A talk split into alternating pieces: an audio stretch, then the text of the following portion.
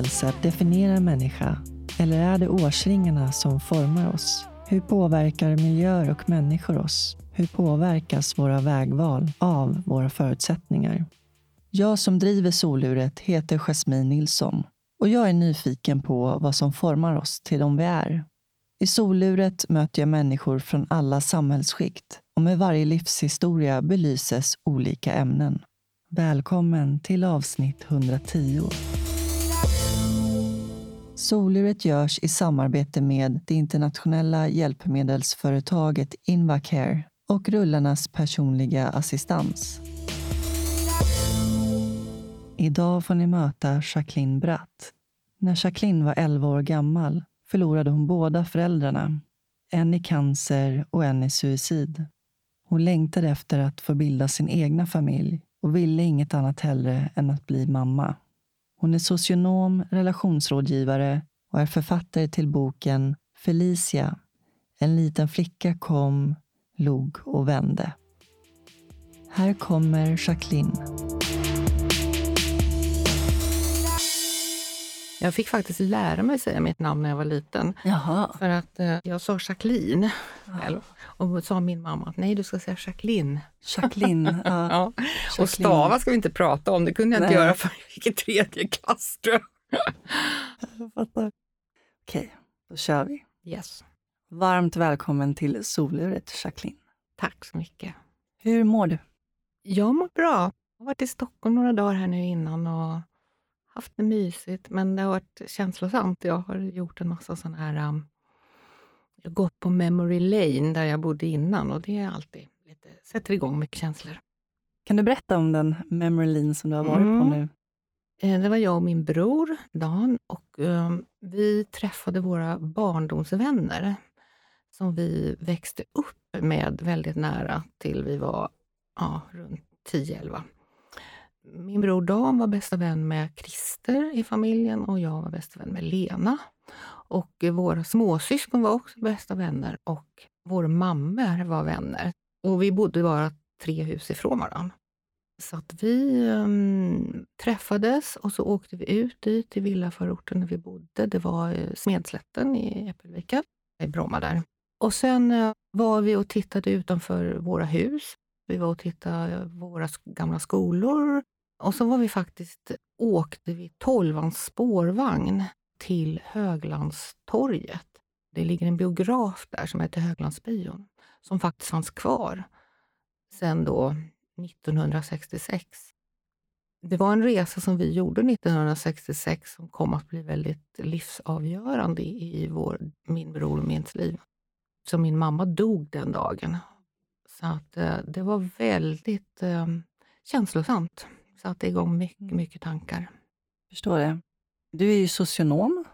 Jag har jobbat med familjerätt i väldigt många år och eh, ja, kriser inom familjen kan man säga. I samband med separationer så har jag haft mycket eh, samarbetssamtal.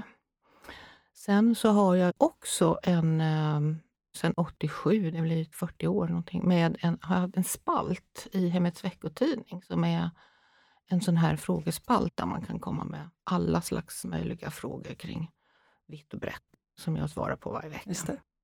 Är det upprepande ämnen eller kommer det nya frågor som du kan reagera över?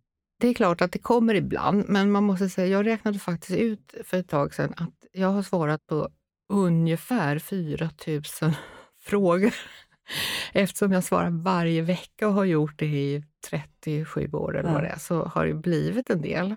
Och vissa perioder så har det varit tre frågor i veckan och vissa har det varit två. Just nu är det en fråga i veckan.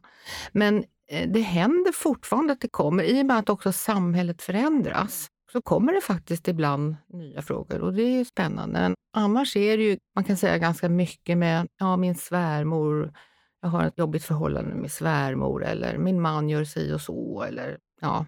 Så det är klart att det är en hel del upprepning. Men jag tänker också att det kommer till nya läsare också hela tiden. Så jag tror att de här spalterna som finns fyller en ganska viktig funktion.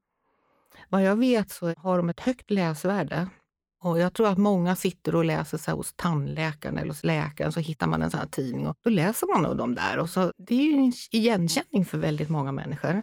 Många har ju de här allmängiltiga problemen. Liksom. Så att, ja. Mm. Känner du att du kan använda dig mycket av dina egna erfarenheter eller måste du ibland ta till verktyg för att komma på bra svar?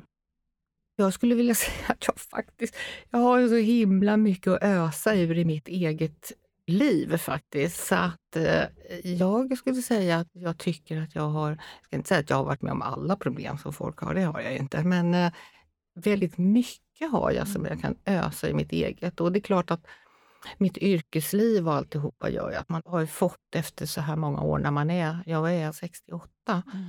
då har man ju en, fått en viss livskunskap och livserfarenhet och sådär som ju naturligtvis hjälper till väldigt mycket.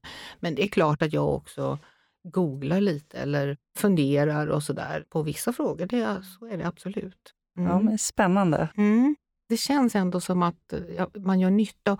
Och det är roligt för att jag har genom åren fått ganska mycket feedback från människor som skriver faktiskt, tar sig tid och skriver ett brev och tack för det här svaret som du gav till den där läsaren i det och det numret och jag kände igen mig i det. Och, alltså, och det är jätteroligt. och då märker man att man faktiskt når fram. Så det är väldigt kul. Du föddes den 21 mars mm. 1955. Mm. Vad föddes du in i för familj? Jag var första barnet till min mamma och pappa. Och ehm, de hade väntat väldigt länge på mig. De hade försökt bli med barn. Så att jag var väldigt efterlängtad. Jag var första flickan också. Min farmor hade fått fyra pojkar och sen hade det kommit en massa pojkkusiner. Så att jag föddes som första flicka och var nog ganska efterlängtad på det viset också. Min mamma var halvbrasilianska eh, och hade sin mamma och sin syster i Brasilien. När jag var bara, jag tror jag var bara några månader, knappt ett halvår, så mm, flyttade de till Brasilien. De tänkte faktiskt, tror jag, flytta dit, men det blev inte så. Men de åkte dit med mig. Så att jag tillbringade mitt första ett år ungefär i Brasilien. Okay. Mm. Så att eh, portugisiska för mig är ett språk som jag känner, när jag hör det så, så värmer det mitt hjärta väldigt mycket. För att jag pratade mina första ord och det jag hörde var Just portugisiska. Mm. Sen kom min lillebror Dan. Eh, det är bara ett och ett halvt år som skiljer mellan oss. Så vi är pseudotvillingar kallas det ju. Och då åkte mamma hem. Eh, pappa hade åkt hem tidigare för han, han fick något eh, engagemang inom skådespeleriet och eh, mamma stannade lite men sen åkte hon hem när hon väntade min lillebror då, så han föddes sen i Sverige. Andra halvan är, är svensk. Morfar var svensk, svensk jude faktiskt. Och mormor var då brasiliansk katolik. Okay. Så att det var lite spännande. Och min mormor hette då Maria da Gloria Capoche Valente. Ja, vackert. tycker jag är vackert. Ja, verkligen. Ja. Berätta om din mammas och pappas relation. Pappa var som sagt skådis och mamma, hennes pappa var konstprofessor och skulptör och bodde i Malmö och, och hade en jättestor våning och där samlades kulturpersonligheter och kulturpersoner. Det jag tror och har uppfattat är att de träffades vid, vid något sånt tillfälle när, när ehm, de samlades där. Och de blev väldigt, väldigt kära i varandra och gifte sig. Och sen eh, visade det sig sen då att eh, min pappa hade en läggning, alltså att han eh, tyckte om män. Och jag antar att han var bisexuell eftersom han också levde med min mamma. Han eh, levde ut den sidan och träffade män. Det var så att han, han träffade en, en man som han var väldigt förtjust i och som började vara väldigt mycket hemma hos oss. Och min mamma accepterade detta.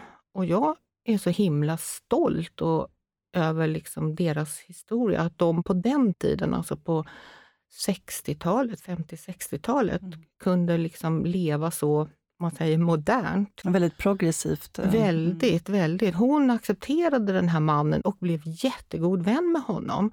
Så han var ju en man som fanns i vårt liv jättemycket. Farbror Olle som mm. jobbar i skoaffär där jag fick jobba på loven när jag var åtta år och lekte affärsbiträde. De bestämde sig för att liksom, de levde så. Så småningom, jag vet inte exakt tid, men så träffade min mamma en annan en man då som hon hade som älskare, som också blev en man som umgicks i vår familj. Så han, och han hade en flicka som var några år yngre än mig och vi, hon och jag lekte och då kom snälla farbror Jerry till oss och lekte och han var jättesnäll och hade lite pengar och köpte grejer till oss barn. Och, ja, så det var ju ganska speciellt. Va? Men, men jag hade ingen aning om hur det låg till. Mm. Det fick jag inte reda på förrän jag faktiskt var höggravid med min mm. dotter Felicia. Då. Eh, och min mamma fick då ett, ett barn med, den här, med sin älskare han föddes ju inom äktenskapet med min pappa. Så att eh, det är ju min pappa som officiellt är hans pappa också. Och det var väldigt mycket folk som kom och gick hemma hos oss. Mamma och pappa hade nog ganska mycket socialt umgänge och det var mycket skådisar och vänner och liksom sådär. Så att vårt hem var ganska liksom öppet och det var nog inte ett vanligt ordinärt traditionellt 60-talshem liksom, på något sätt, utan mm. ganska fritt och, och, så högt i tak på något sätt ändå. Det var ju ändå en ganska konservativ tid, mm, tänker jag. Mm.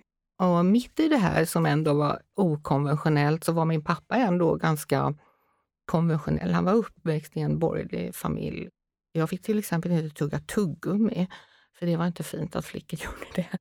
Så han hade liksom såna där eh, lite små olika principer.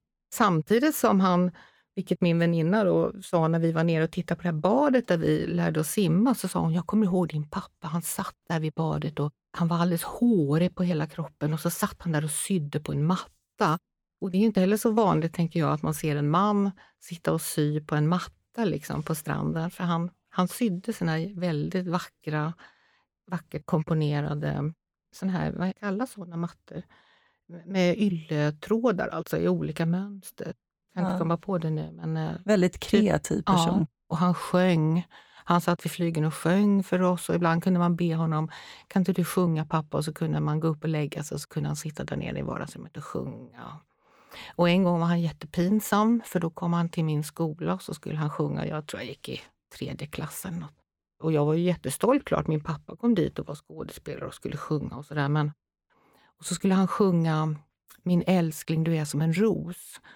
Och så satte han sig ner vid min bänk och liksom eh, dramatiserade det mot mig. Och jag, jag höll på att sjunka under jorden. Jag tyckte det var jättepinsamt. Men det var ju väldigt gulligt. Ja, mm. ja så det var en... Eh, efteråt har jag faktiskt läst i mina det också. Men jag har läst i mina gamla journaler från BUP att eh, min familj var liksom så här strukturlös lite grann och helt, helt fri från eh, regler och eh, sådär, lite anarkistiskt. Men så var det ju verkligen inte. Men det var en annorlunda familj. Ja. Men du är ju också kreativ person. Du gick på ballett och spelade piano. Mm, mm, mm, det gjorde jag. Eh, jag var aktiv när jag var liten. Då, vår teater här i Stockholm och ja, ballett som sagt var gick jag flera år. Jag dansade tåspetsskor. Ja. hade tåspetsskor och ja. dansade lite precis som det, men det var inte alls i din klass. Men eh, jag dansade, älskade det och, och sjöng och var med i kören och liksom sådär. Så det, det gjorde jag. Men det försvann mycket av det sen när jag fick flytta då när min eh, Först min mamma dog och sen min pappa dog. Mm. Det, innan vi kommer in på det, hur var mm. du som liten? Jag var nog lite lillgammal. Lite sådär omhändertagande kring mina bröder och sådär. För att jag...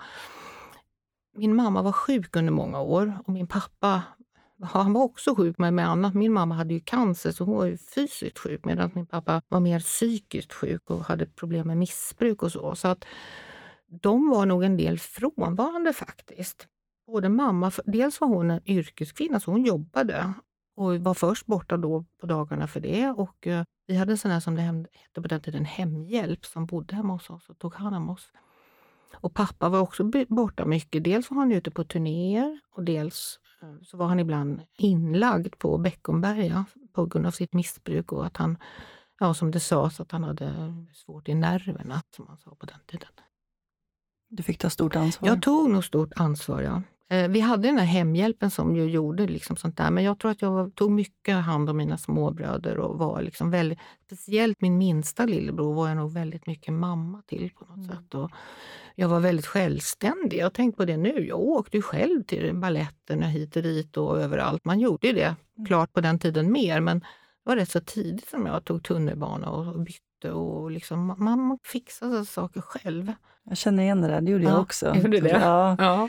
Min mamma var ensamstående, men hon ja. hade ju ingen bil och nej, sådär, utan man fick, man eh, började åka tunnelbana när man var åtta. Liksom. Ja, precis. Nu känns ju det helt ganska skrämmande ja. att man skulle skicka en åttaåring så iväg ja, själv. Men ja. ja. man gjorde ju det mer förmodligen också då. Mm. Och, och, ganska så här, man kanske inte ska säga präktig, men jag var nog rätt så ordentlig. Jag var, mm. rätt så, jag var väl ganska väluppfostrad och, och liksom gjorde som man skulle och, och, och sådär. Men hade kompisar och lekte. Jag kände att jag hade en jag sa just det till min väninna också, om jag skulle säga min barndom då, trots att det var så här i min familj med missbruk och sjukdom och sånt där, så skulle jag ändå säga att jag var ganska glad. Jag märkte inte det där så mycket. För det var aldrig så att det var några bråk hemma. Det var inget missbruk som, som yttrade sig i att pappa raglade omkring full eller skrek eller var sådär. Utan det var... Det var mer så här självmedicinering? Ja, för att på klara något av. sätt. Ja. Mm. Så jag tycker ändå att jag är en ganska glad flicka på något sätt. kanske var också ett sätt liksom, att överleva, att man förtränger det och försöker... Ja, säkert så kan det vara ja. det. Mm. Och att du tog ansvar istället för dina bröder och så. Ja, att det, ja, precis, det blev din mening. Mm, mm. Fick en uppgift. Ja, precis. Mm, det tror jag.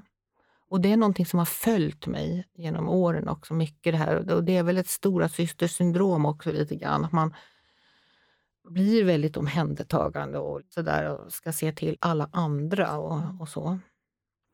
Men nu i början här så berättade du om Memory Lane. Mm. När fick du veta att eh, din mamma var sjuk? Ja, det är svårt att säga, för det, jag minns inte liksom det. Jag minns bara att hon var sjuk länge. Alltså jag tror att eh, hon var sjuk ett par år innan hon dog. eller så. Och, så att Först var det att mamma var sjuk och hon var på sjukhus fick man veta. Och så tyckte man att det var väldigt länge mamma var sjuk och när blir hon frisk och när kommer hon hem? Och man fick egentligen inte direkt några svar på det. Det var aldrig någon som pratade om att hon skulle kunna dö av det här. Så att hon var bara sjuk väldigt länge och kom hem och hemma och sen skulle hon plötsligt opereras igen och så åkte hon lite in och ut. Men jag har inte alls någon liksom kronologisk bild av när saker och ting hände, mm. utan det här bara skedde liksom. Utan att, ja. Det känns väldigt typiskt för den tiden att mm. man inte berättade någonting mm. för barnen. Inget. Nej. Att man trodde att man hjälpte barnen genom att bara hålla dem helt utanför mm. mm. det svåra. Precis, precis. Men det konstiga är också att jag har läst ganska mycket om just det här med barn som mister föräldrar. Och ofta så sägs att, att barn på något sätt känner på sig ändå. Men det konstiga var att jag kände absolut ingenting. Jag mm. förstod ingenting och, och hade aldrig en tänk, tanke på att min mamma skulle dö. Jag kommer ihåg en gång, då låg hon, hon låg hemma väldigt mycket och då hade hon fått mycket morfin tror jag. Och då låg hon hemma och så sjöng hon någon sån här sång, jag tror det var någon Bellman. När jag dör så ska jag begravas i en källa av vin, låg hon och sjöng. Så här. Och då minns jag att jag sa någonting så här att du ska inte dö. Jo, jag ska dö, sa hon. Nej, du ska inte dö. Och trots att hon på något sätt sa så där så, så var det inte som att jag förstod att jo, hon skulle kanske snart dö. Mm. Det är väl svårt att ta in som ja, barn. Mm. Men jag var ändå typ tio. Mm. mm. Men nej, jag tog inte in det. Nej. Det var någonting som inte kunde hända. Nej, jag förstår det. Mm. Om vi kommer till den dagen då när ni fick reda mm. på det. Ja, det var en söndag. Och jag minns egentligen inte någonting innan, men det var, vi skulle gå på bio. Det gjorde man då och då, gick på matiné klockan tre. Så det var jag och Dan och Christer och Lena. Vi åkte då till Höglandsbion och eh, så någon av oss hittade fem kronor på marken. Jag tror det var Dan. Och vi blev jätteglada. Oh, nu kunde vi köpa massa godis. Och så var vi på bion och sen åkte vi hem. Och när vi åkte hem så hade det mörknat. Det var ju i december, 6 december. Nej, förlåt. 6 februari och då var ju klockan bortåt fem så det hade börjat mörkna. Och så började det snöa. Och det föll sådär jätte jättestora flingor och det var, blev så jättevackert. Och det, hela liksom vägarna, småvägarna där var ju liksom fyllda med vit, vit orörd snö. Så vi hade ju jättemysigt när vi gick hem från, från torget och upp för vår backe där. Och ehm, det, vi slog kullerbyttor och stod på händer och kastade snöboll och sådär. Och så stannade vi utanför vårt hus som var det första och så bodde de, kom de lite senare, deras hus. Och då stannade vi där och stod och pratade och ville väl fortsätta stå och prata och leka lite och skoja i snön. Men då öppnade pappa fönstret och så sa han att Linn och Dan ska komma in. Och vi försökte, nej men kan vi inte få vara ute lite till? Nej, ni ska komma in nu. Och då var det bara att gå in, så då sprang vi in. Och då så öppnade vi ytterdörren och då var det liksom en, eh, som en matsal direkt när man kom in. Förbygge, eller vad man ska säga, innan själva huset. Och då satt pappa där. Vi tyckte det kändes liksom konstigt, för det där brukar han inte göra. Men min känsla då, och det jag minns, är bara att han satte sig på en stol där. Vi stod framför honom och så sa han bara så här att mamma är död. Och vad jag kan minnas så bara skrek jag, men jag vet inte om det var ett skrik som kom ut eller om det var ett skrik som bara var inom mig. Jag bara skrek liksom. Och det var en sån chock för att trots att hon var sjuk så hade jag inte förstått någonting. Ja, efter ett tag då så gick vi igenom och så skulle vi gå upp till mamma och titta på henne och då när vi gick förbi vardagsrummet så satt det flera människor där som vi kände då, som tittade på oss. Och jag minns att det var så konstig känsla att gå förbi. För att alltså, de tittade och hur, hur skulle jag titta tillbaka? Skulle jag säga hej? Vad skulle jag... Men ja, vi gick upp och så fick vi sätta oss bredvid mamma i sängen och klappa lite på henne och, och titta och sådär. Sen är det lite dimmigt. Vi sprang lite upp och ner, Dan och jag, eh, och hälsade på henne. Liksom, eller så. Och så gick vi ner och så, ja. Sen så fick vi sova hos våra vänner då på, på natten. där sen. Mm. Svårt att se sin mamma död. Ja. Samtidigt var det bra att vi såg henne. Mm. Eh, och Jag vet att Dan också har pratat om det här, men vi såg ju vår mamma död och det gjorde att vi på något sätt förstod, hon, hon är död. Mm. Så det var aldrig någonting som jag sen efteråt kände att är hon död eller inte. Men mm. vår pappa såg inte vi när han var död. Där var det mycket svårare att acceptera eller liksom förstå att han verkligen var död. För jag trodde att, ehm, att han kanske hade blivit sjuk, kanske låg någonstans eh, på något sjukhus och, och inte ville liksom träffa oss. Eller, ja, eller att han hade åkt iväg och inte vill komma. Såna, och hade sådana drömmar också. Och det höll på väldigt många år. Nu för tiden har jag inte det längre, men det höll på tills långt upp i vuxen ålder faktiskt. Det var ett halvår efter att er mamma gick mm. bort? I oktober, ja. Mm. Så gick din pappa bort. Ja. Kan du berätta om den dagen? Eh, det var några veckor innan, så hade jag varit på väg ner i trappen för att jag skulle säga godnatt till pappa eller någonting sånt där. Och han satt i vardagsrummet och pratade med någon. Och när jag kom halvvägs i trappen så hörde jag honom säga så här, jag har tänkt att jag skulle ta livet av mig, men jag kan inte det för barnens skull. Och jag blev så fruktansvärt chockad. Tror jag det. Mm. Så att jag, ja, jag bara, det som hände var att jag fortsatte smyga ner för trappen, smög ut, för han kunde inte se mig, så jag smög ut och sprang ut genom ytterdörren i min pyjamas, barfota. Det var liksom så här en höstkväll, liksom lite kyligt och lite fuktigt på marken, lite regnvått och ljuslyktor. Och jag sprang de här tre husen bort till våra bästa vänner då och ringde på där och kastade mig in i famnen på deras mamma när hon öppnade och bara grät och grät och grät och grät och grät. Och hon förstod ju ingenting. Och, hon försökte lugna mig och vi satte oss i trappen hos henne och min väninna då, hon ropade ner, vad är det, vad är? Och hon fick säga till att ehm, ja, du får stanna där uppe. Och så, och, och så satt vi i trappen där och till slut, jag hade gråtit en lång stund, så kunde jag liksom börja berätta vad, vad jag hade hört. Och ehm, då ja, hon tröstade mig så gott hon kunde, när man nu tröstar ett barn som precis har hört det. Och sen så sa hon att ja, men han sa ju faktiskt att han inte skulle ta livet av sig för er skull. Och så sa hon, vill du att jag ska följa med dig hem och sådär? Eller ska jag ringa pappa? Eller sådär. Nej, ja, men hon följde i alla fall med mig hem. Men jag ville inte att hon skulle gå med in och jag ville inte att pappa skulle veta att jag hade varit iväg där.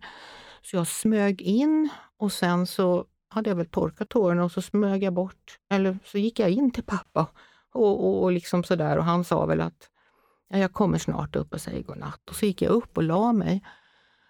Och sen tänkte jag där uppe, Åh, ska jag säga någonting till pappa att jag hörde det här eller inte?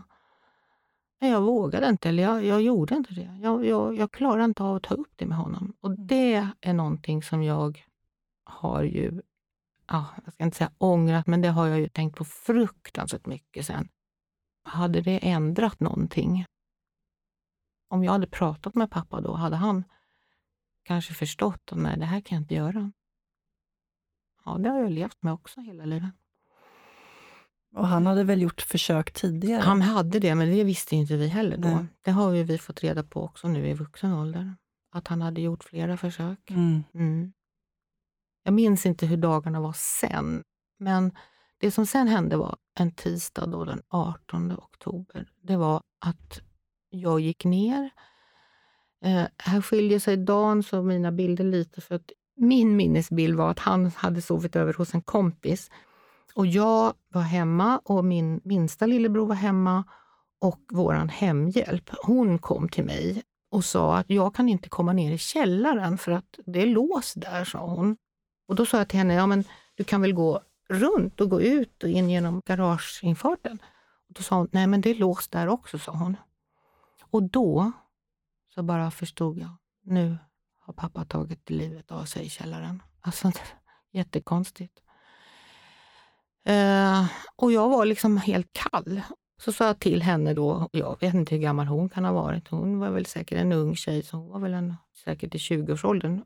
Så jag sa till henne så här, ta med dig Robert, då, vår lillebror, och gå ut i köket och stäng dörren, så ska jag ringa. Så då tog jag telefonen och så ringde jag till den här mamma då, som, till min väninna.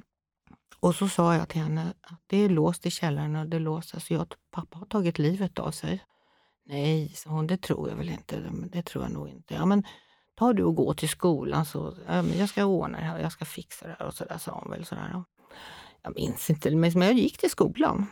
För det hade man sagt till mig. Liksom, ja, jag var en ordentlig flicka och gjorde som man sa. Så jag gick till skolan, kommer ihåg att jag kommer till skolan och så innan lektionerna börjat så säger jag till några av mina vänner där, ja min pappa har nog tagit livet av sig, säger jag. Så här, helt kallt på något konstigt sätt. Eller kallt var det, men bara så här. Du är chocktillstånd. Ja. Och då säger väl de nej, nej, nej.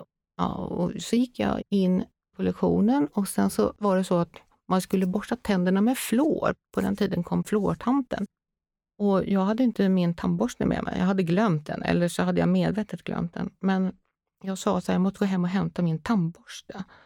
Så jag gick tillbaks hem och när jag kommer upp för backkröken så ser jag att det står en polisbil utanför vår villa. Och då börjar jag gråta. Då är det som att då blir det liksom verkligt för mig. Polisen är där.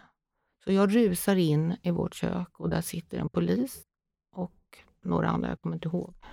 Och jag bara gråter och gråter och polisen reser sig upp och säger att nu ska jag nog gå och så får jag höra om det var hennes mamma kanske som var där. Jag tror att vår farmor också kom. Säger då att pappa är på sjukhuset, får jag höra. Han, han har då ja, försökt gasa sig med bilen, men han är på sjukhuset. Uh, ja, och sen så sägs det inte så mycket mer. Uh, jag vet inte riktigt. Jag tror att jag går tillbaka till skolan och så går jag hem igen. Det är väldigt förvirrat. Liksom. Mm. Men sen så går jag hem till mina väninna då igen och då är min farbror där och så sitter han på en stol i vardagsrums, i deras vardagsrum och så säger han att uh, pappa är död. Och så böjer han ner huvudet och gråter. Och jag vet att jag tänkte så här, ska jag klappa honom? Ska jag liksom trösta honom eller vad ska jag göra liksom? Jag börjar inte gråta. Jag gråter inte då, för jag hade redan gråtit en massa. Liksom. Och sen kommer det kanske mest absurda av alltihop. Och det är att då säger de till mig så här. Eh, kan du gå och hämta Dan i skolan och ta hem honom hit? För då ska de berätta för honom att pappa är död. Så att de skickar mig till skolan och jag får gå och knacka på Dans klassrum och säga att han... Ska, de sa också så här, du får inte säga någonting för det ska vi berätta när han kommer hem. Jag fick gå dit, hämta honom och sen fick jag gå hem med min lillebror. Alltså som att föra ett liksom lamm till slakt ungefär. Att jag vet att när vi kommer hem så ska de berätta att ah. pappa är död. Ja, det liksom, och det liksom- ska du bära på. Mm, alltså. mm, det är liksom så sjukt ja, så att det är inte klokt. Nej. Sen har jag inte så mycket mer minnesbilder, men de här, det här skeendet är ju otroligt mm. inetsat i mig. Jag förstår det. Det är svårt att sätta sig in i det. Alltså att först förlora sin mamma mm. och sen sin pappa. Mm. Och sen, eh, ja, hanteringen efteråt har ja, man förstått. Eh. Den, den är ju också liksom eh, helt vidrig mm. och vedervärdig och totalt eh, tokig. Mm. Men för tiden kanske, man mm. tänkte inte på barnen. Mm. Men eh, vi skildes ju åt. Mm. För att eh, man ville väl hålla det här inom släkten, att släkten skulle ta hand om oss och så. Och det kan man på ett sätt förstå, men ingen i släkten kunde ta emot tre barn. Så att eh, då delade de upp oss. Så jag kom till en faster och farbror som jag inte hade träffat speciellt mycket. Som hade två äldre söner, alltså mina kusiner, som var äldre då. Så att i den familjen blev jag liksom yngst från att ha varit äldst. Dan kom då till vår moster och morbror, som vi i och för sig kände väl, men som hade också jämngamla barn. Och sen så kom vår lillebror till en familj där han faktiskt hade varit en del innan under tiden mamma var sjuk. Så att vi putsades ut. Och Dan och eh, Robert kom då till Malmö, för de här släktingarna bodde i Malmö. Och jag kom till Finspång som ligger utanför Norrköping. Så det var ju ganska många mil mellan oss också. Ja, verkligen. Vilket gjorde att vi inte kunde träffas. Vi kanske träffades sen eh, max två gånger om året. Mm. Kanske någon gång på sommaren och så vid jul kanske. För mig var det här, det var ju helt... Det var liksom, jag hade ju tagit så mycket ansvar också för mina bröder så plötsligt så, så liksom var de borta. Jag kunde inte ta hand om dem längre. Nej. Och ingen som helst hjälp. Nu, nu känner jag att det blir känslosamt. Det är Men, inte så konstigt. Nej, det är inte konstigt. Ändå har jag pratat om det otroligt massa gånger. Men, ja, men vi fick ju ingen hjälp heller någon av oss. Alltså, det var ju aldrig så att någon um, pratade om... Alltså, i, I den familjen jag kom till så nämnde de ju inte ens mm. det här som hade hänt. Och det var liksom... Locket på locket på och den familjen var så otroligt annorlunda mot min familj. Liksom. Där var det mycket mer så här borgerligt strikt. Inte ett dugg känslosamt, för att i min familj hade det varit mycket kramar, mycket kärlek och så. Men den här familjen var det inget sånt överhuvudtaget. Så att det var en sån chock liksom för mig att hamna där. Mm.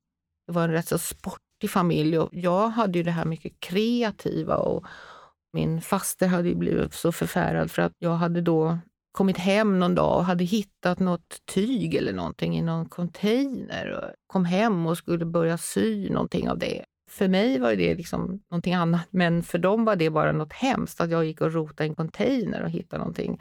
Alltså att jag hade konstiga idéer. Liksom.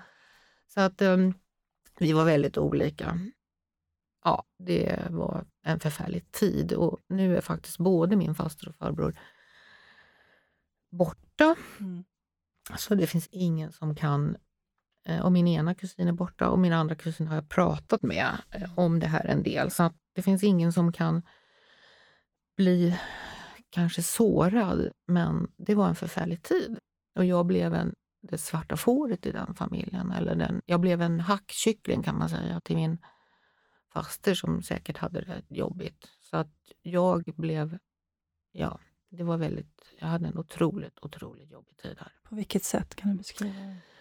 jag tror att hon hade det jobbigt från sin ursprungsfamilj och sådär. Jag tror att hon var missnöjd med sitt liv. Hon var sådär. Så att jag, hon... Ja, det här är fruktansvärt också. Det, jag har pratat om det här också tusen gånger, men när jag går in i det så här väldigt så är det... Det var fel på allt jag gjorde. Mm. Det var fel på hur jag såg ut, hur mitt hår såg ut. Det var fel på om jag duschade så, så duschade jag för länge. Om jag inte duschade så var jag liksom äcklig. Jag tog för mycket toapapper när jag gick på toa. Och än idag så lyfter jag på toarull, den här, den här lilla flärpen som är. Mm. Som jag lärde mig att göra för att det inte skulle höra så mycket toapapper jag tog. Mm. Och när jag kom hem från skolan så var det, jag visste att när jag skulle öppna dörren så skulle jag mötas av timslånga tirader av utskällningar. Alltså för allt möjligt.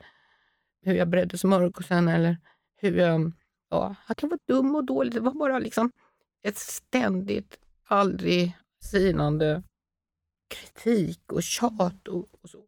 Som kunde hålla på faktiskt i timmar. Mm. Och jag sa aldrig tillbaka någonting. Och jag vågade inte. Alltså jag, jag vågade aldrig. Jag, och jag var ju en väluppfostrad flicka som kom dit. Och, och då sa man liksom inte direkt emot kanske vuxna och sådär. Så mm. jag bara tog emot. Jag bara tog emot så att, Psykisk misshandel? Ja, det var det faktiskt. Det var det faktiskt. Uh, så, ja, nej men det var väldigt Du var bara hemskt. ett barn. Alltså det... Mm. Ja, precis. Det var så här, jag läste väldigt mycket. Jag tyckte mycket om att läsa. Och då läste jag de här eh, fem böckerna som fanns. Ja. Eh, och där gick ju de här barnen på internatskola. Och vid något tillfälle så sa jag så här, jag skulle vilja gå på internatskola, sa jag. Efter ett tag så kom då min faster och farbror och sa att du vill ju gå på internatskola, så nu har vi ordnat så att du kanske kan gå på det. Och jag tyckte det lät jättespännande. Och vad jag förstår så var ju det ett sätt för dem att bli av med mig. Och för mig var det då någon slags romantiserad alltså sådär, inför det här så skickades jag till, eh, till barnpsyk för att jag tror att de ville få socialen att betala på något sätt för den här internatskolan. Så jag, och de gjorde någon slags, jag vet inte, de gjorde tester på mig på IQ och de gjorde lite olika, hade pratade och sådär. För några år sedan så begärde jag ut de journalerna och det var ganska hemsk läsning faktiskt. Men då stod det bland annat här att jag aldrig pratade om mina föräldrar, så jag verkade känslokall. Åh, oh, gud, jag blir så arg. ja, det var ju liksom, det var så hemskt för att det var ju det enda jag ville. Men som barn är man ju inte den som tar upp det hela. Liksom. Nej, det är inte ditt ansvar. Nej. Så, det är att, de vuxna som ska veta bättre. Mm. Ja, nej, det var en väldigt eh, jobbig tid eh, faktiskt. Och den har nog eh, det har satt ganska djupa spår i mig tror jag, för att jag är väldigt eh, känslig för folks stämningar och tar åt mig väldigt mycket när jag märker alltså minsta... Jag är väldigt känslig för om någon tycker om mig eller inte. Och om folk liksom är, inte otrevliga, men lite kalla eller sådär. Jag har otroligt svårt för det. Mm. Så att det har präglat ju väldigt mycket. Ja. Och inte minst min självkänsla som ju var... Trycktes ner. Ja, verkligen. Mm. Så den ja, det har jag ju fått jobba med mycket. Hur var det när du kom till internatskolan? Ja, ja det var ju också... Jag då, tänker, kan, kan det ha varit också lite av en befrielse att komma ifrån? På ett sätt var det det. Grejen var också att internatskolan låg här uppe i Stockholmstrakten, Viggbyholm hette den. Eh, så att jag skulle börja sexan fick jag gå där, men egentligen började inte skolan förrän sjuan, internatskolan. Så att jag kom till skolan och bodde där på ett elevhem, men jag gick inte med de andra eleverna som gick där, utan jag fick gå i en sjätte klass som de hade lagt ut på skolan, men där det var vanliga barn som gick, alltså, som gick sen hem. Så att jag blev ju lite grann så här att jag hörde ju inte till, liksom. jag fick inget sammanhang på något sätt riktigt. Men jag var en, en ensam tolvåring som satt där och hade ingen mamma, hade ingen pappa, hade ingen eh, var på den där skolan, fick ju sköta mig själv. Liksom, jag menar, det var inte egentligen det jag behövde. Det var ju inte det. Jag var, blev lite mobbad. Och åkte däremot väldigt mycket till då min gamla kompis, för det var ju så nära. Så jag åkte till henne mycket. Jag åkte mycket till min farmor som bodde i Stockholm. Jag åkte till mina gudföräldrar som också bodde i Stockholm, till mina kusiner.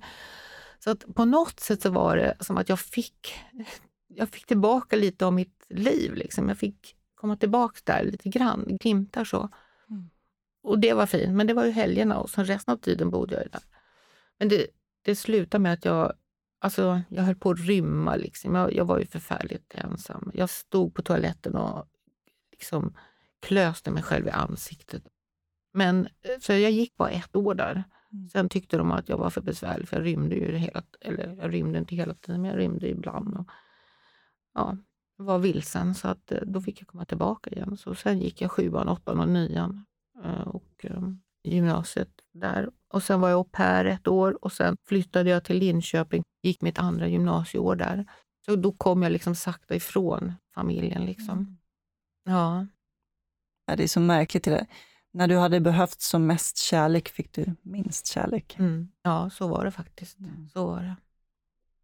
Jag läste i ett inlägg som du la upp här i veckan också, om, ja, du beskriver om att du eh, förlorar hela ditt liv. Mm. Och när man har förlorat sitt liv men fortfarande andas. Mm.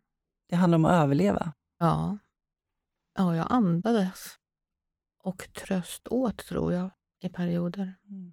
Men jag hade ju liksom inte...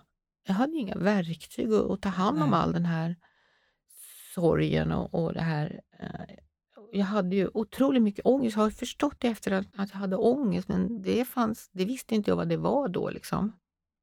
Det som jag gjorde och som jag började med, tror jag, redan när mamma hade dött, det var att jag började prata med henne varje kväll. Mm. Varje kväll så knäppte jag händerna och så låg jag i min säng och så pratade jag med mamma. Och berättade om, om liksom allt som hände. Och det blev nog någon slags terapiaktigt för mig. Liksom. Och det där höll jag på med i jättemånga år. Mm. Och efter ett tag började jag be till Gud också. Och jag vet inte. Så jag bad först till mamma och pappa då, sen när han hade dött, och så pratade med dem. Liksom. Och då berättade jag ju om, om eh, hur jobbigt det var, mm. allting och så. Och sen eh, så bad jag till Gud också. Jag kommer inte ihåg vad jag bad Gud om, men på något sätt att jag skulle, ja, att, li att livet skulle bli lättare. Något, jag vet inte. Mm. mm. Vill du ta en paus? Lite kanske. Nu tar vi en kort paus och ringer upp min samarbetspartner Imbacare och pratar med VD Thomas Müller. Hej Jasmin, kul att du ringer. Hej Thomas, hur är läget med dig? Det är jättebra med mig. Vi har eh, precis avslutat Fokus hjälpmedel i Stockholm. Jag är ju en siffermänniska som håller koll på ja, du vet, omsättning och försäljning och sådana saker. Men jag räknar också antalet besökare. Det gör jag inte, det är någon annan som gör. Mm. Men i alla fall, över 2000 besökare på Fokus hjälpmedel i Stockholm. Wow! Ja, det är rekord och eh, då kan man säga att det är viktigt med antalet. Ja, det är det naturligtvis, men ännu viktigare är att alltid är rätt besökare. Vi möter rätt målgrupper, vi är hela branschen. Så det är vi väldigt nöjda med måste jag säga. Ja, men kul att höra. Ja, det är vi glada över. Det är ju säsongsavslutning här på soluret. Ja. Sen ska jag börja med planeringen inför nästa år. Vi har också säsongsavslutning. Vi eh, har vårt eh, bokslutsår per sista november så det är i princip tre veckor kvar på vårt år.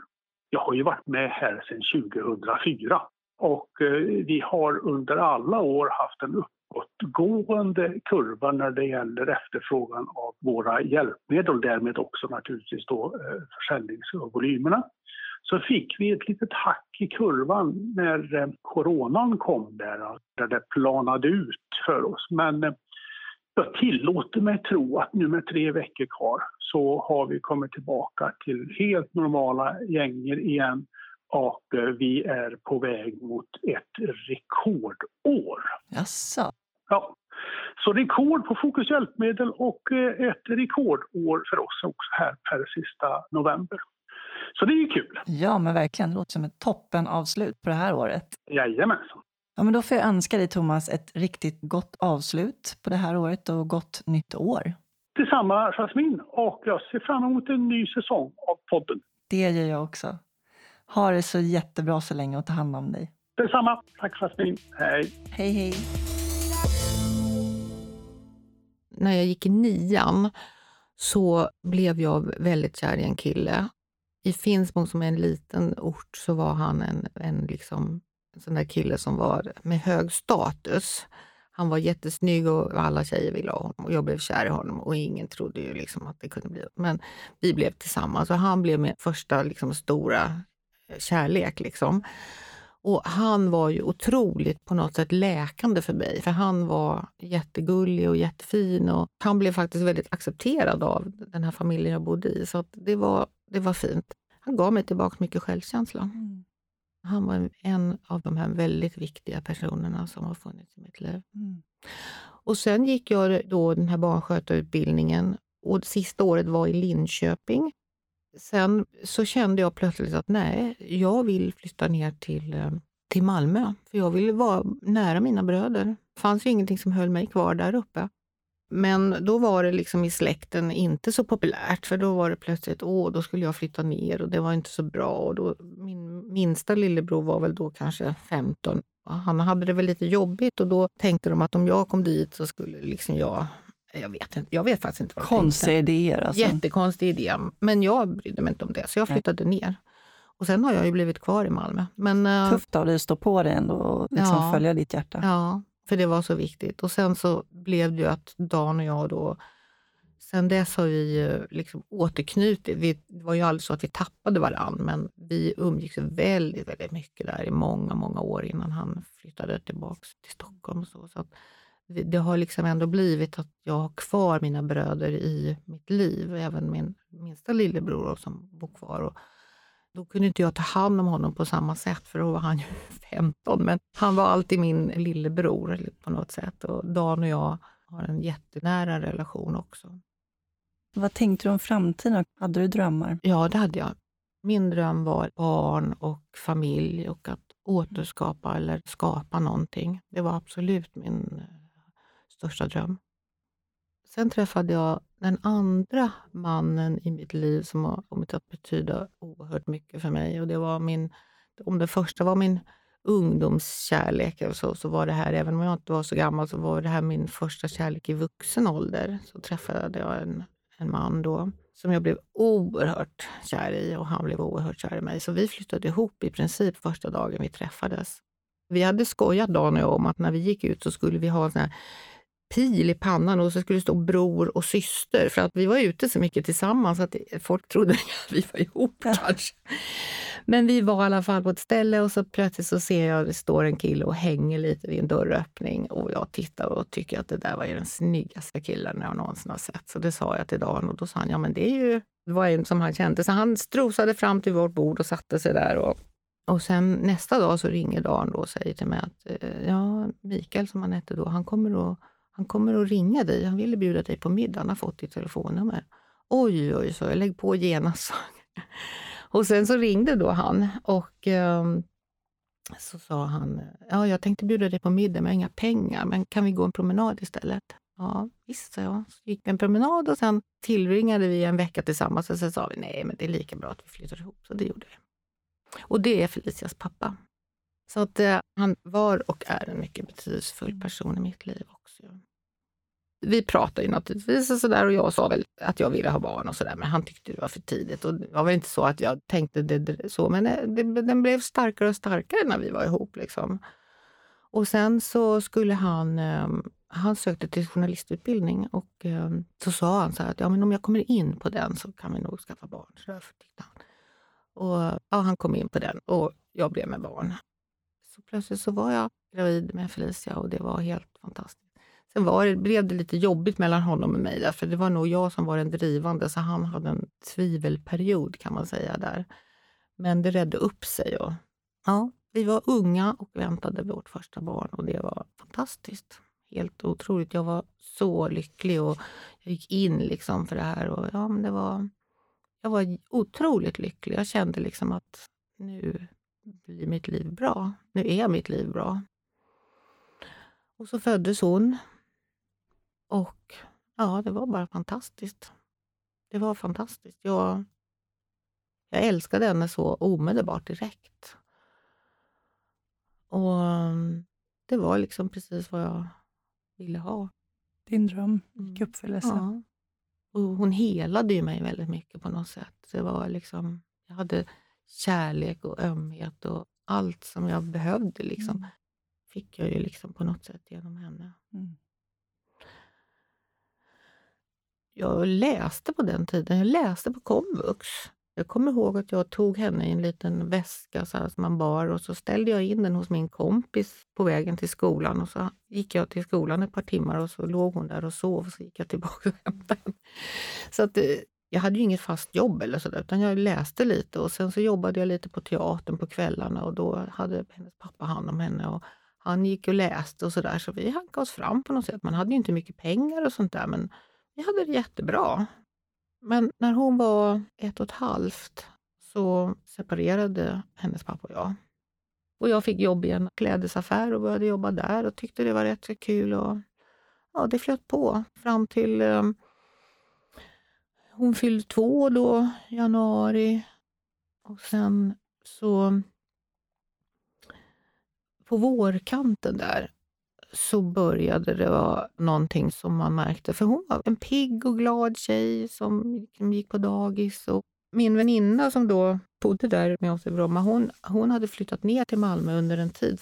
Hon hade en pojke som var precis lika gammal och vi umgicks. Och, och sen på vårkanten där så, så märkte jag plötsligt liksom att det var någonting. Hon, hon liksom började bli orolig, hon drog i sin blöja. Eh, man märkte att hon vaknade upp och grät. och hon man såg att hon darrade lite. Så, vi sökte om hon hade kanske en urinvägsinfektion eller någonting, men det, det blev en massa strul med det. Det här provet försvann och blev inte taget. Och, ja.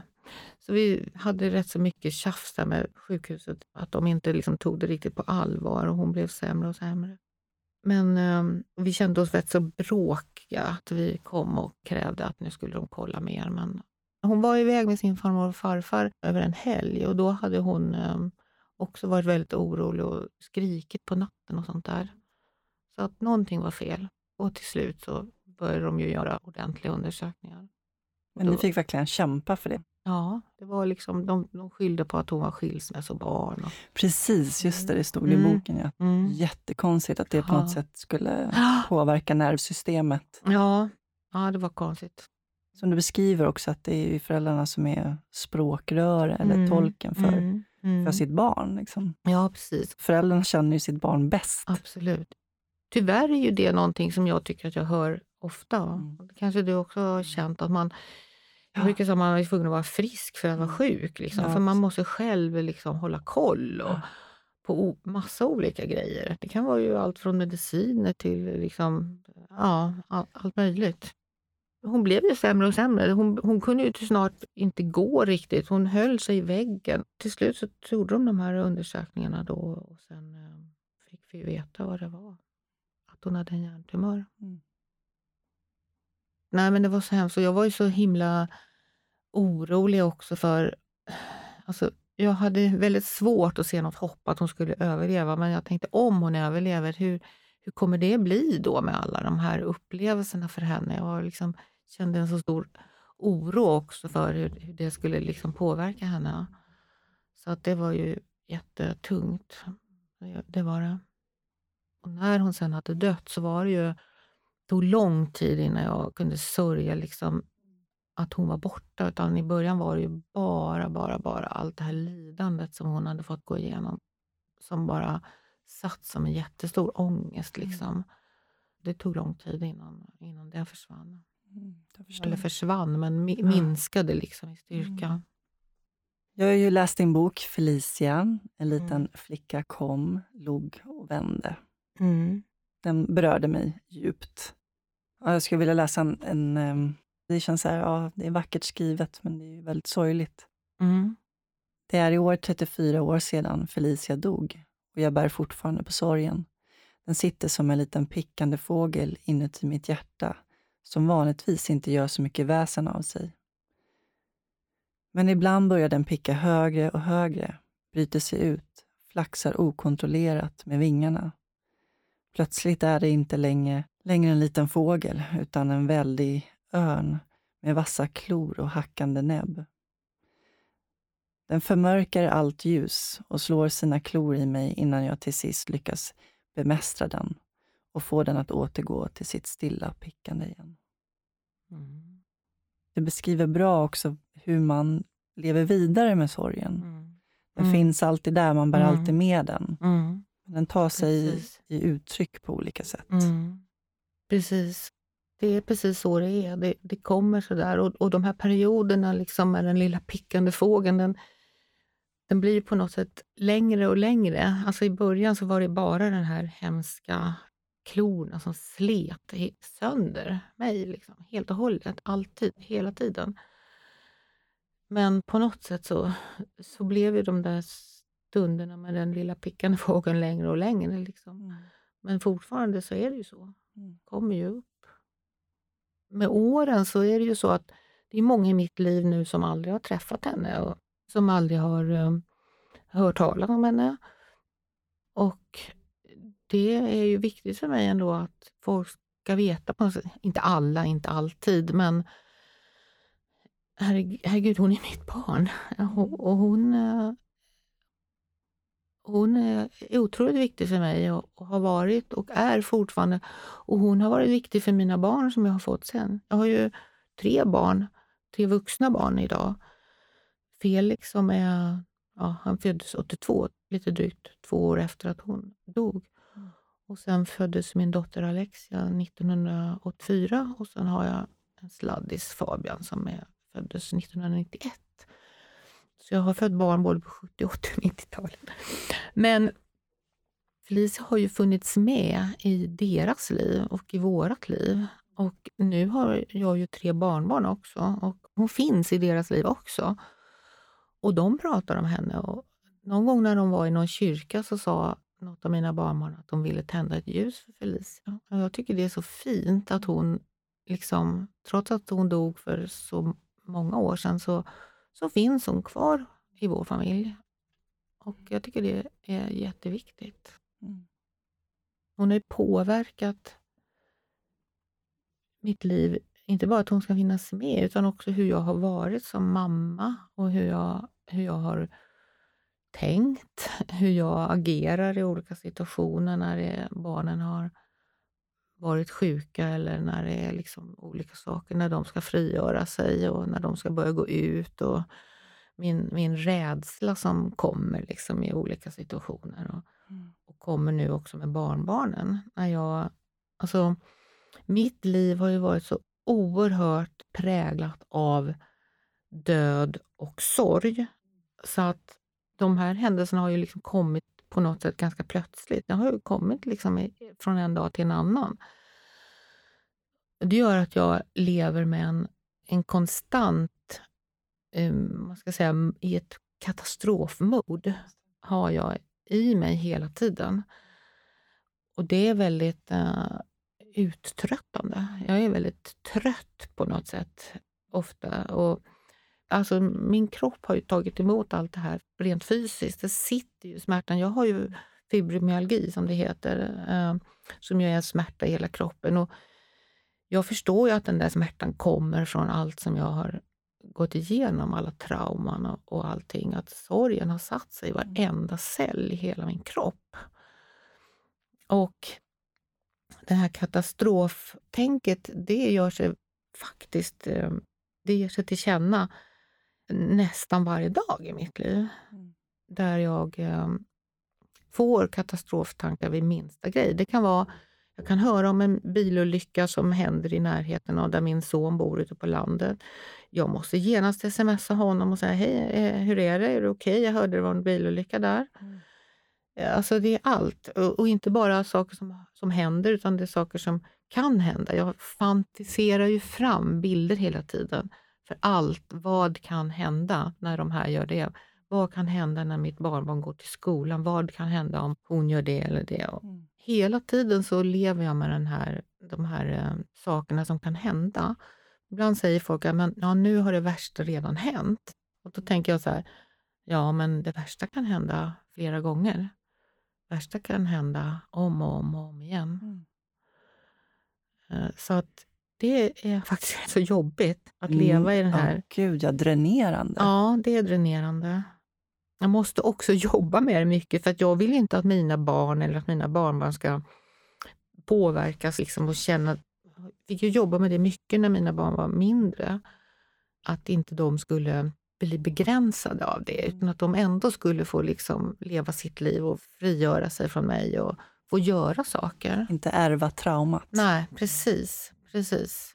Eh, och jag tror jag har lyckats ganska bra ändå, trots allt. Och en annan sak var ju till exempel, nu får jag hoppa tillbaka till det här som vi började lite med, med min mamma och Brasilien och det där. Min mamma, man kan säga att hon miste sin mamma när hon var 12. Inte så att hon dog, men det var så att de bodde i Brasilien då. Hon och hennes två syskon och mamma och pappa. Och så separerade hennes mamma och pappa. Och min morfar då tog med sig min mamma och min morbror Jacques, som då Dan bodde hos, tog med sig dem till Sverige och hoppades att min mormor skulle komma efter, men det gjorde hon inte. Så min mormor och min moster blev kvar i Brasilien. Så att sen fick min mamma växa upp utan sin mamma. Ja. Det fanns inte telefoner och allt det här. Man skrev väl brev. Och sen förlorade jag min mamma när jag var så gammal. Mm. Och för mig var det liksom någonstans en slags sån här förbannelse som hade mm. drabbat liksom min familj. Så att jag hade en otrolig skräck. Jag var ensam med mina två yngsta barn också under många år. Och jag hade liksom en väldig skräck att, att jag skulle dö ifrån dem. Mm. De skulle absolut inte råka ut för det som jag hade råkat ut för. Jag har levt på någon slags med någon sån ständig katastrof beredskap. När händer nästa katastrof? Nu är jag nog för lycklig. Nu kommer jag snart någon att slå ner mig med en hammare, för nu liksom är det för bra. Mm. mm. Jag läste i boken att, det, att du i samband med att Felicia gick bort, att du hade en rädsla för döden, beskrev du det som. Mm. Vad, är, vad är det för rädsla för just döden? Är det, att, är det just den här biten att förlora någon? Eller? Mm. Det är det. Det är inte själva döden som jag, jag är inte rädd för att dö själv. Mm. Utan jag är rädd för att jag är rädd för att någon ska dö ifrån mig. Mm. Det är mm. mer den rädslan som jag är rädd för. Eller att jag ska dö då från mina barn. Att mm. de ska behöva känna den här sorgen. Liksom, eller mina, mina barnbarn nu också. Liksom. För att eh, jag vet att vi har en väldigt nära relation. så att uh, jag vill helst inte dö från dem nu när de är små. Nej. Eller så små. Mm. Jag tänker på sorgarbetet också efter Felicia. där, mm. Så skriver du att du valde att klä dig i svart. Mm. För att du vill liksom markera och liksom visa att du, du är i sorg. Mm. För att inte behöva svara på frågor och så mm. vidare. Mm. Jag gjorde det. Det bara kändes så. Liksom. Jag skulle liksom gå ut och gå på gatorna direkt efter. Och några visste att hon var sjuk, några visste väl ingenting. Och, ja, jag bara, det bara blev så. Det var, jag kan inte svara på igen, men det var det här också att jag tyckte att det var en väldigt svår situation det här. Vem vet, vem vet inte? Hur ska man möta andra? För jag orkade liksom inte riktigt. Jag kände att det nog på något sätt bara andas själv. Jag orkade inte ta hand om andra människors reaktioner och sorg eller sådär. Så att det var jobbigt liksom att veta hur... Det här att man går över gatan säger ibland att folk tycker att det är jobbigt att någon går över gatan. Men jag, jag var nästan den som gick bort själv för att slippa komma i de där situationerna. För att mm. det var ganska jobbigt. Men det kan också ha att göra med faktiskt, jag har tänkt på det, att eftersom jag var så van vid att inte inte ha någon som tog hand om mina känslor så valde jag nog liksom att gå undan. Jag vågar aldrig lita på att när jag lägger ut mina känslor Eller att någon kan ta hand om mig. Ingen kan trösta mig. Ingen hade tröstat mig någonsin. Jag kunde inte bli tröstad. Jag visste liksom inte hur jag skulle ta emot det. Det här äh, momentet när man ska ta farväl mm. och lämna sitt barn, när det har gått bort. Typ. Mm. Alltså idag så ser jag, eller hör och läser om föräldrar som de gör så fint. De liksom tar hand om, de ordnar själv och de läste, tog faktiskt med sig barnet hem från sjukhuset och hade det hemma och klädde det i kläder och gjorde fint. Och, men jag fattade aldrig att man kunde göra så. Så att vi fick ju lämna henne på sjukhuset där. Vi satt kvar en stund, men sen lämnade vi. Jag vet inte hur man, ja, hur man gjorde. Det var... Nej, jag vet inte hur man gör egentligen. Nej, För att innan hade jag tänkt att det går inte, jag kommer att hålla henne i min ja, famn. Precis. Ingen får ta henne bort. Men när man plötsligt satt där och hon var död så... Ja, man gick bara. Mm. Men jag hade säkert gjort helt annorlunda idag. Tror det. Mm. Jag har nog man kan säga, lärt mig av alla de här fina berättelser som folk lägger upp och pratar om idag. Hur mycket man kan göra ändå.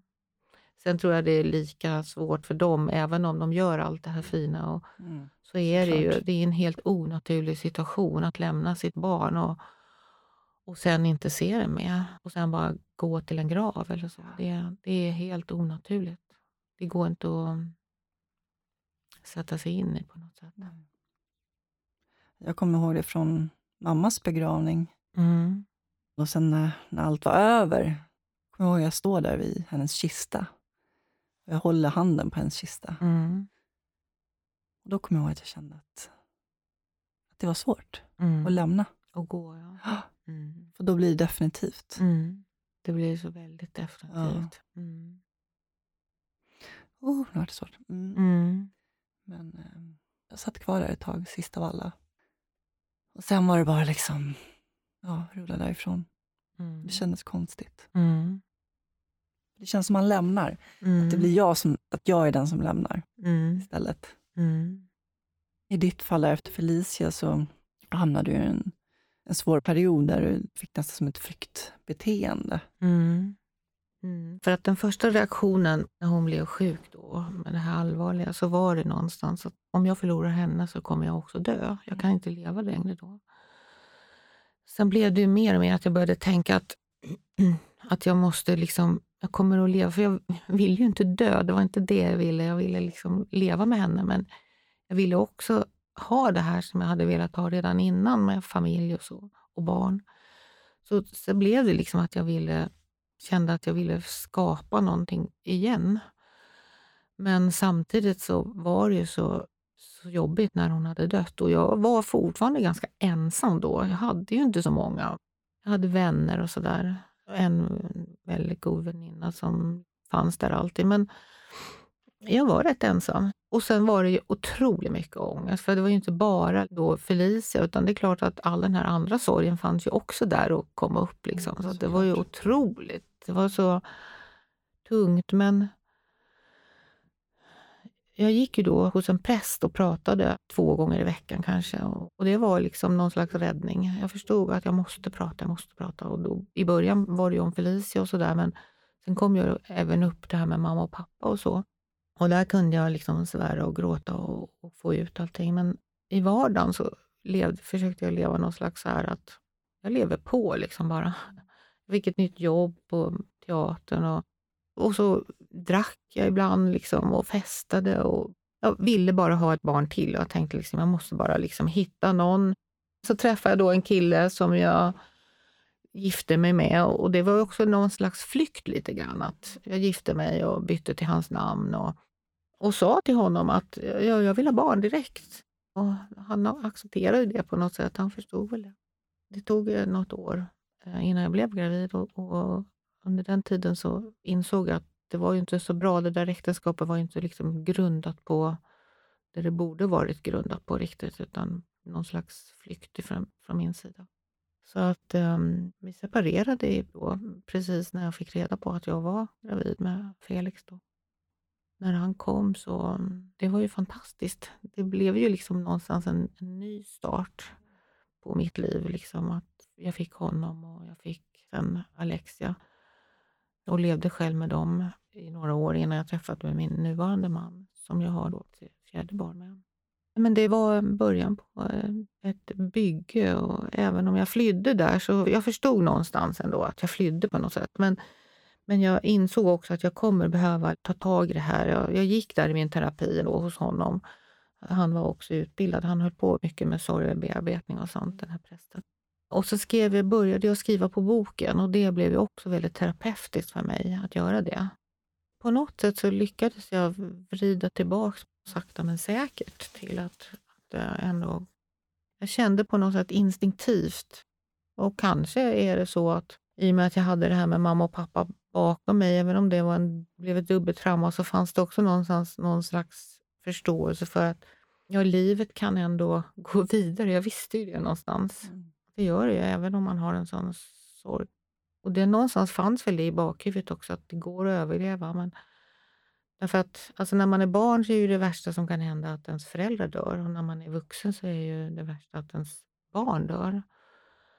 Så att det var ju verkligen tre riktigt stora trauman. Men jag vill bygga någonting nytt. Jag vill fortsätta bygga mitt liv. Och jag har byggt. Jag kan ju säga idag nu att jag är, jag kan säga att jag är lycklig. Wow. Ja, jag är lycklig och jag mår bra. Jag har min fågel i hjärtat som pickar och vill ut ibland och, och jag har min verk i min kropp och jag är ganska trött. Det finns mycket liksom katastroftankar och sånt, men jag är lycklig. Jag säger att jag mår bra. Jag är otroligt lycklig och stolt för mina barn. Och jag är otroligt lycklig och glad för mina barnbarn. Så att liksom, mm jag har byggt jag, och jag hade ju ingen liksom direkt utbildning heller. Jag började skriva boken och på det viset så kom jag in inom skrivandet. Så att jag, under några år jobbade jag som journalist inom veckopressen. Det gjorde jag också själv. Sen fick jag känslan att jag ville hjälpa människor och gick då och läste och blev socionom. Och sen har jag då jobbat både som socionom och haft min den här spalten i tidningen. Så jag känner att jag har faktiskt byggt rätt mycket. Jag är lite stolt över mig själv ändå, trots alla de här sakerna som kunde ha resulterat i att jag hamnade på en parkbänk någonstans, oförmögen att liksom göra någonting. Jag har skapat någonting som har blivit riktigt, riktigt bra. Du har haft en enorm drivkraft. Ja, på något sätt. Vart kommer den ifrån, den drivkraften? Ja, alltså det är sen... Jag vet inte. Jag tror att jag fick väldigt mycket innan mina föräldrar dog på något sätt. Jag fick mycket kärlek av min mamma och kramar och någonstans så fick jag nog mycket av vad barn behöver innan allt det här hände. Som väl var en bra grund. Sen är man nog olika personligheter helt enkelt och jag har väl en personlighet kanske som, som har gjort det här, men jag vet inte. Jag tänker ju mycket på det här med föräldrar som mister barn och så. De, de uttrycker ju så mycket ångest och så mycket sorg och, och jag förstår dem ju så himla väl. Jag känner, jag kan exakt förstå hur de känner. Och de liksom uttrycker just det här, hur ska man kunna leva? Hur ska man någonsin kunna bli glad igen? Och ska livet få någon mening? Och då vill jag så gärna på något sätt visa på att jo, men det går. liksom. Sen klart att man har olika möjligheter och man har olika kapacitet. Man olika förutsättningar och hur gammal är man när man mister sitt barn och, och liksom, kan man få barn igen och allt det här. Men det går. Det går kanske inte i alla fall, men det går i väldigt många fall så går det att få ett bra liv igen liksom, och hitta andra meningar, även om man är förändrad för alltid. Och Det tycker jag känns viktigt att förmedla också. Mm.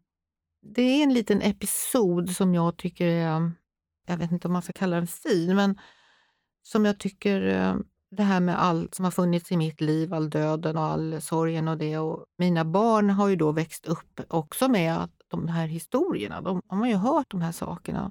Och nu även mina barnbarn då. Och då var det faktiskt bara för några veckor sedan så var det mitt lilla minsta barnbarn Isidor som är snart fyller nio. Han hörde när vi hade pratat någonting om det här med, med DAN-programmet som du gjorde och det var någonting med att någon grät, någon vuxen och så där, som fick honom att tänka tror jag. Och då så frågade han mig så här, mormor, är din mamma och pappa döda? Ja, och det vet han för han har hört det här innan. Och din pappa, sa han, var, hur dog han? De var precis på väg att gå i hallen och då står man inför det här att man ska berätta för en liten åttaåring att man kan döda sig själv. Men jag var ju tvungen att svara honom, så jag fick ju säga då att jag vet att han dog ju för att han mådde ju så hemskt dåligt så att han ville inte leva längre. Så att han dödade faktiskt sig själv.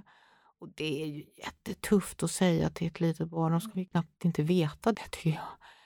Jaha, dö, ja men, men hur dog han då? Alltså hur gjorde han? Och de var ju tvungna att berätta att han la sig vid bilen och andades det där som är farligt. Jaha, så. Men, alltså det kom så mycket mm. frågor liksom. Och han frågade och frågade och jag försökte förklara. Och så försökte jag också säga det att ibland kan man faktiskt må så där jättedåligt att man vill dö. Men du vet, och så berättade jag lite då om att jag var ju förstås jätteledsen efteråt och jag var jätteledsen efter Felicia. Men sen har det blivit väldigt bra för mig och jag har fått mamma och Felix liksom och alla mina barn och så har jag fått er och jag är jätteglad och lycklig. Så fast livet kan vara så här jätte, jättejobbigt så att man vill dö så kan det bli riktigt bra.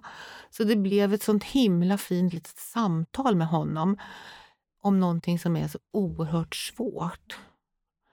Så att eh, det berörde mig mycket. Jag känner att liksom hela min historia som finns, som ärvs av mina barnbarn också nu, men som kanske också kan ge tankar och, och så till dem. Precis, att man inte ska underskatta barnens mm. intelligens ja, på det precis. viset. Att mm. De kan faktiskt ta emot det och liksom mm. bearbeta och ja. skapa en förståelse eller liksom få kunskap kring mm. det. det ja, precis. Där ser man att det faktiskt att det lönar sig att prata om det öppet. Mm.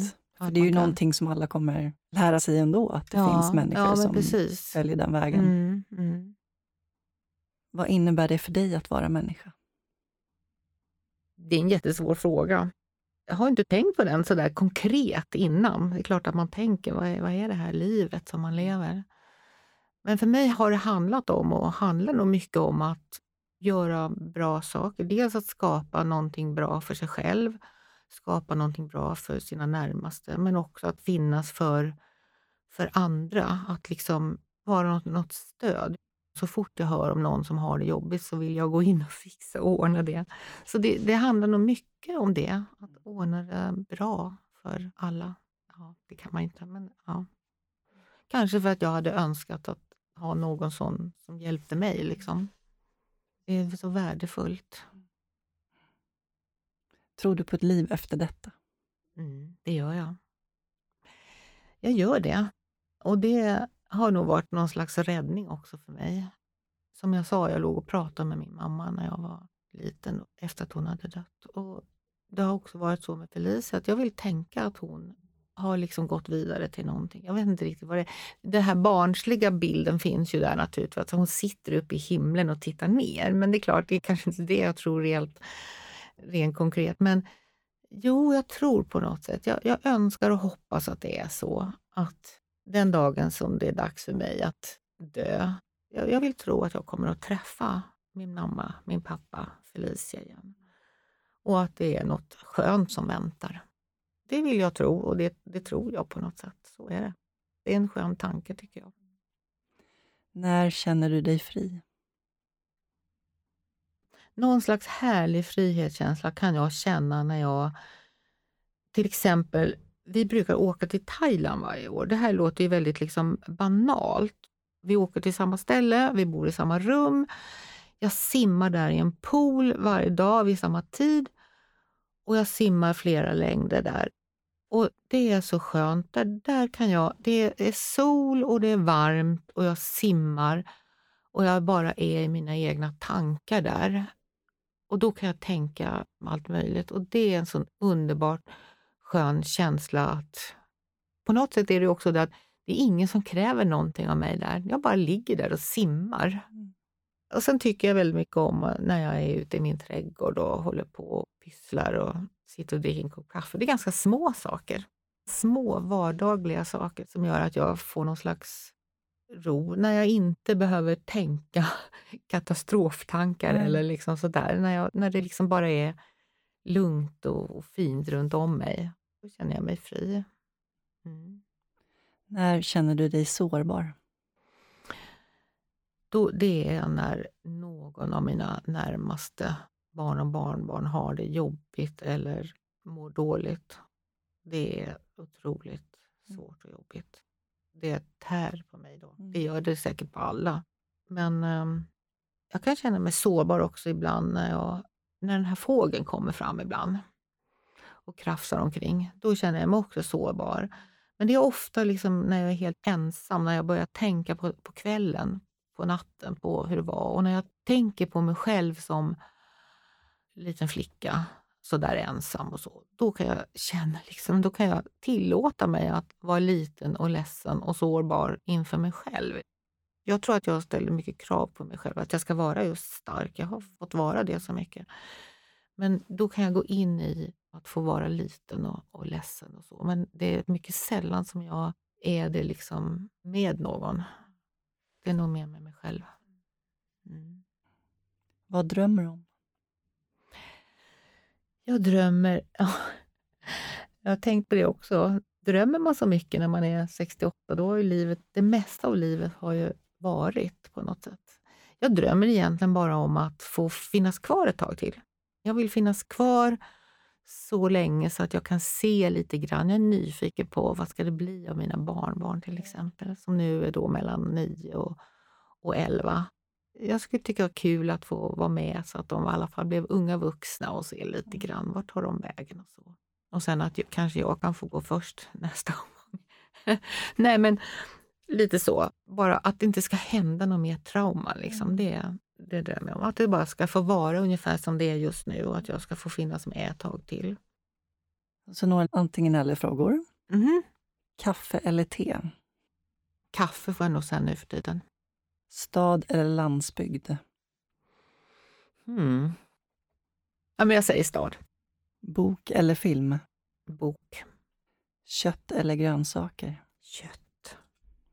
Planering eller spontanitet? Ja, planering. Mm. Se eller höra? Oh, mm, den har jag tänkt på. Jag tror att jag nog helst vill se, kunna se. Lyssna eller prata? Ja, jag gillar båda. Jag tror jag är bra på att lyssna, men jag är också bra på att prata. Ska man välja något? Lyssna. Tack så jättemycket, Jacqueline. Tack. För att du delade med dig av ditt liv. Ja, tack så mycket att jag fick komma. Det var ett väldigt fint samtal känns det mm. som. Känns bra. Det.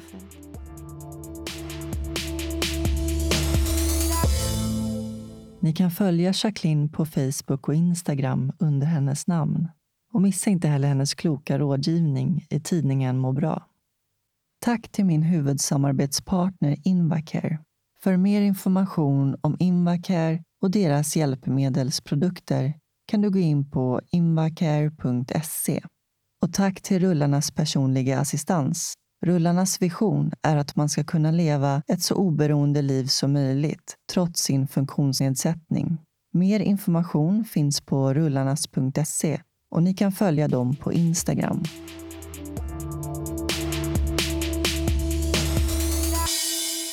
Tusen tack alla lyssnare för denna säsong.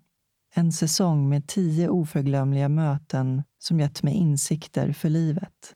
Möten som har öppnat upp nya världar.